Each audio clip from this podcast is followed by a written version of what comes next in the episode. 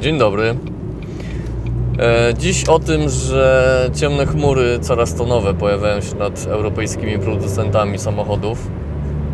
E, Jakoś tak od tego 2015 roku sprawy się zaczęły komplikować i właściwie co chwilę pojawiają się kolejne niefajne informacje. E, Dziś konkretnie chodzi mi o informację o tym, jakoby to jest jeszcze nie do końca potwierdzona wiadomość. Generalnie chodzi o to, że ym, zdaje się, że Komisja Europejska wszczyna postępowanie w stosunku do e, grupy PSA, czyli Peugeot Citroen Opel, e, w stosunku do mm, Jaguara Land Rovera, do Renault Nissana i e, Fiat Chrysler. E, rozpoczyna postępowanie, które ma dowieść, czy zweryfikować, czy była między tymi producentami umowa, e, dzięki której mm, podnieśli ceny swoich e, części e, samochodowych o około 25% w stosunku do poziomu, który powinien obowiązywać. I że niby to dogadanie się między nimi miało spowodować, że wszyscy się umówili, że spoko, wszyscy będą tak samo podnosić te ceny, czy trzymać jakiś tam pewnie jakąś marżę. E, czy to prawda, czy to nieprawda, to się okaże. To na razie jest jakaś podobna informacja, zdaje się, że, podana przez Szpigla, która nie ujawnia swojego źródła, ale no, podobno jest rzetelne. Czy się okaże, że to prawda, czy nie, to się pewnie e, dowiemy za jakiś tam czas. E, Czy w ogóle to postępowanie rzeczywiście jest prawdą, to też się dowiemy.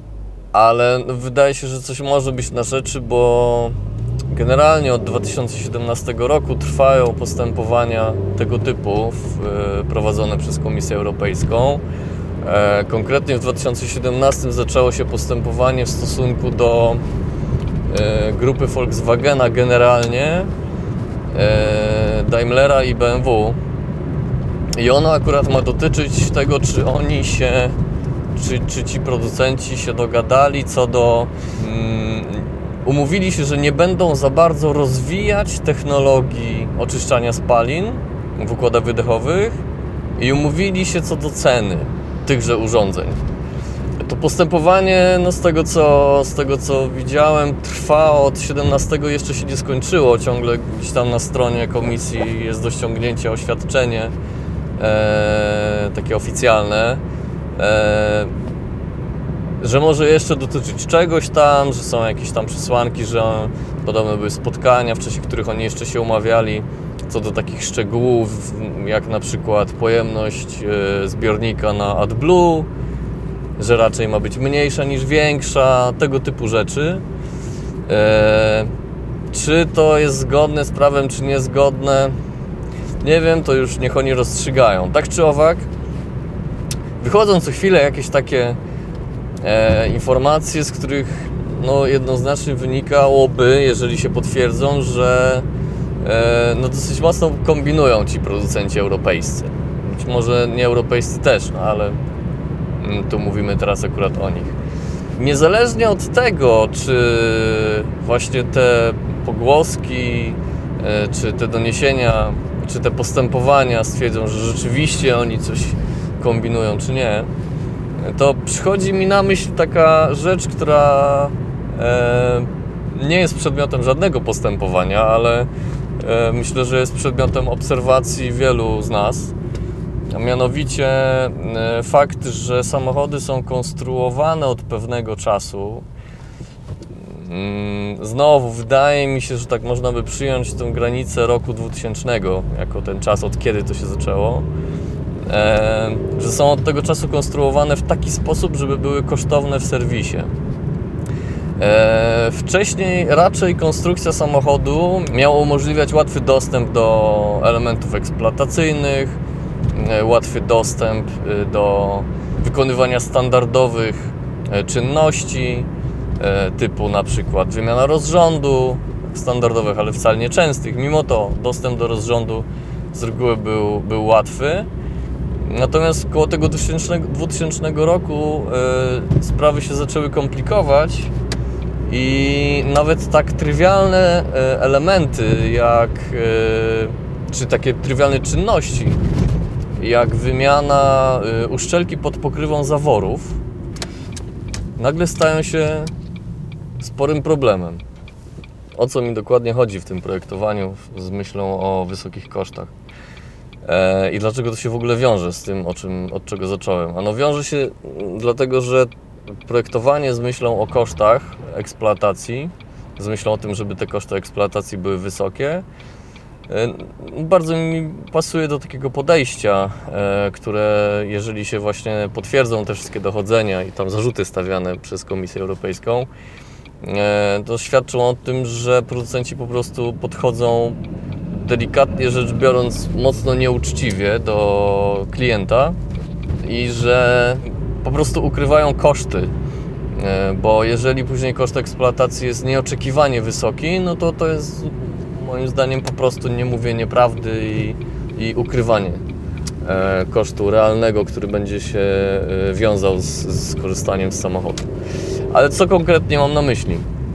Mam konkretnie na myśli kilka historii, które znam albo o których gdzieś czytałem. Na przykład e, BMW e, E60, e, silnik 5-litrowy. E, Oczywiście, ok, zaraz ktoś powie, no BMW, marka premium, no to niestety, ale serwis musi kosztować, zwłaszcza jeżeli to jest silnik 5-litrowy, e, no to sorry, tanio nie będzie. Oczywiście, jasne, tutaj z tym nie mam zamiaru dyskutować, ale jeżeli tym samochodzie e, zajdzie potrzeba wymiany pokrywy e, zaworów, a właściwie to dwóch pokryw zaworów, bo to przecież widlasty silnik, to niestety, ale trzeba według instrukcji producenta czy jakichś zaleceń serwisowych, trzeba silnik zdemontować, żeby wyjąć pokrywę zaworów.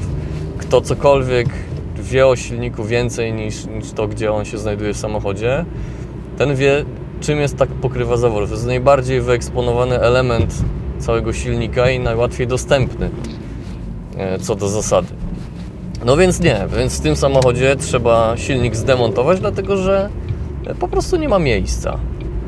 Nie, nie zostało e, pozostawione miejsce, m, e, żeby w takiej ilości, żeby można było tam po prostu wcisnąć łapę, włożyć klucz, odkręcić pokrywę i, i, i zrobić tą czynność.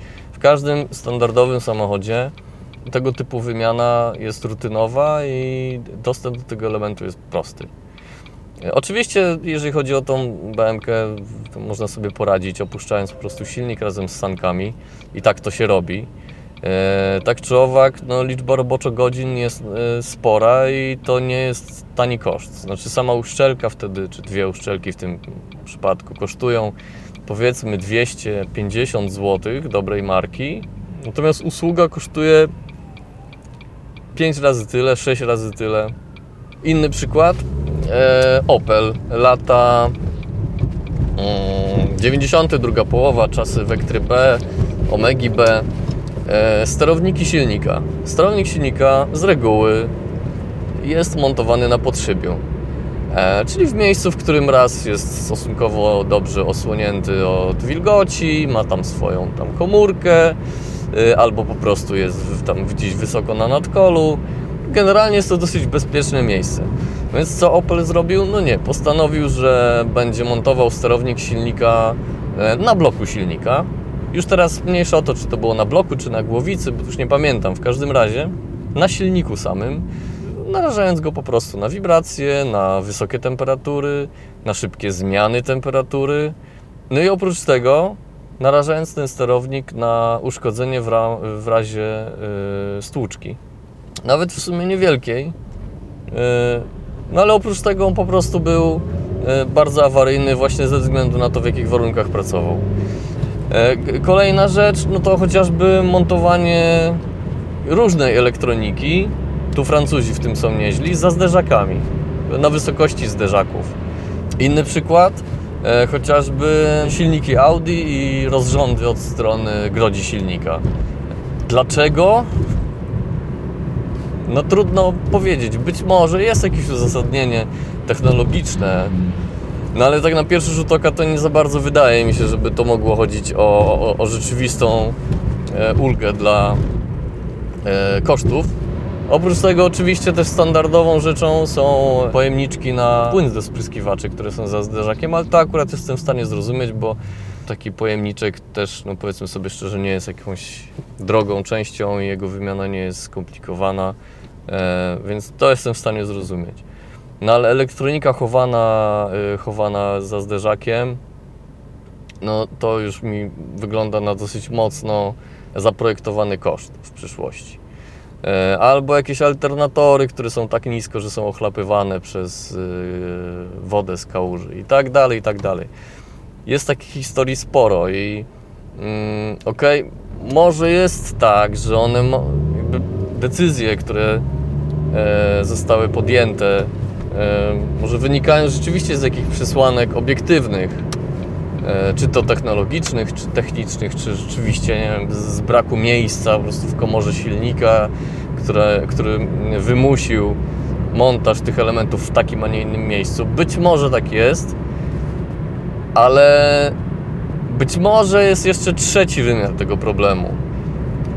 Tym trzecim wymiarem są regulacje i Zastanawiam się, czy to też nie jest tak, że producenci, nawet jeżeli tak jest, że projektują te samochody w taki sposób, żeby były kosztowne eksploatacyjnie, albo dogadują się co do właśnie części, cen części y, na rynku, albo co do jakichś rozwiązań technologicznych, y, żeby się za bardzo nie licytować i żeby y, nie rozwijać ich zbyt szybko, żeby konkurenci nie musieli za bardzo inwestować w rozwój tych technologii i podnosić sobie kosztów, że to wszystko może wynikać trochę z tego, że obostrzenia, jakie panują, jakie są wprowadzane, e, są coraz bardziej rygorystyczne i te wymagania są coraz bardziej rygorystyczne, e, wymagają coraz więcej mm, środków i coraz większych nakładów finansowych, a w związku z tym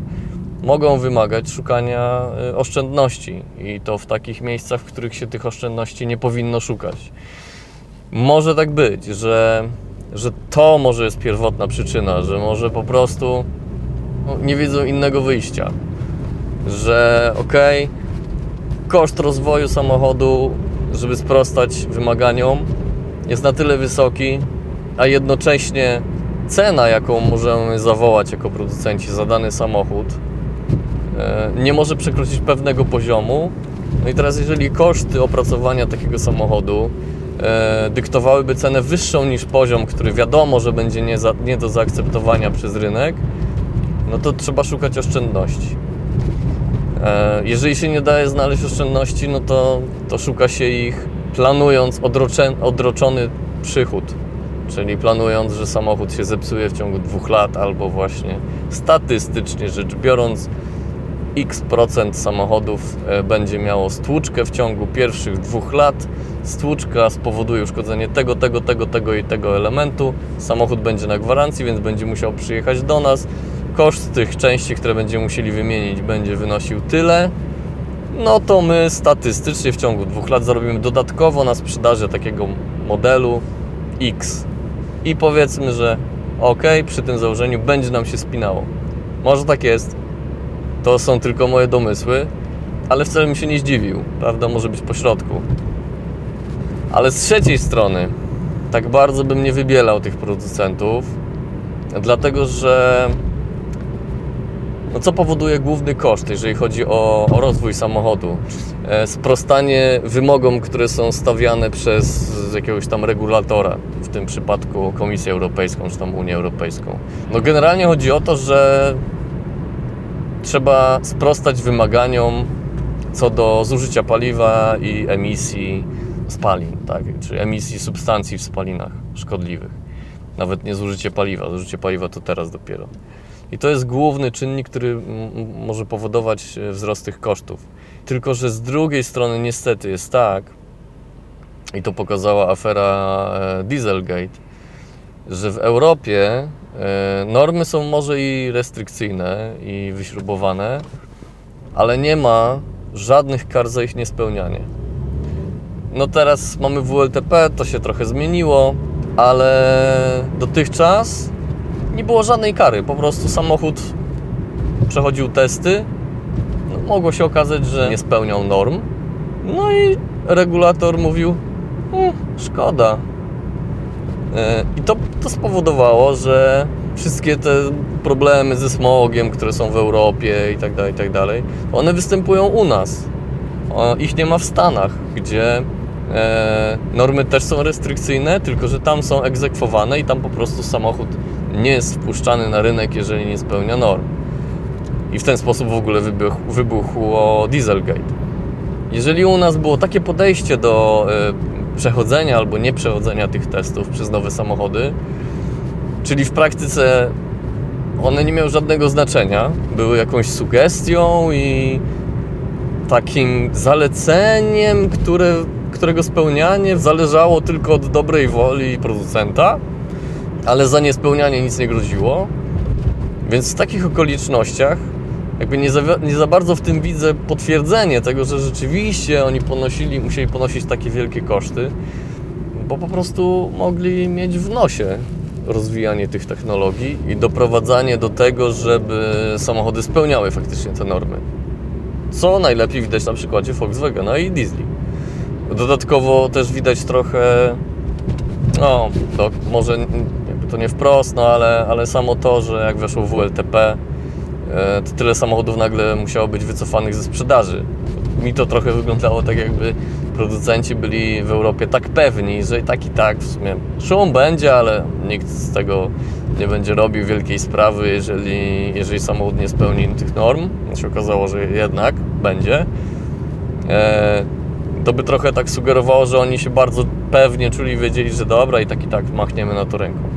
To podejście do egzekwowania E, norm w Europie no nie stawia w dobrym e, świetle producentów i tego, tej argumentacji, jakoby oni no rzeczywiście ponosili tak wielkie koszty na development e, tych technologii, czy na rozwój tych technologii, że no po prostu muszą szukać tych pieniędzy gdzie indziej i dlatego projektują te samochody w taki sposób albo zmawiają się co do pewnych tam kwestii.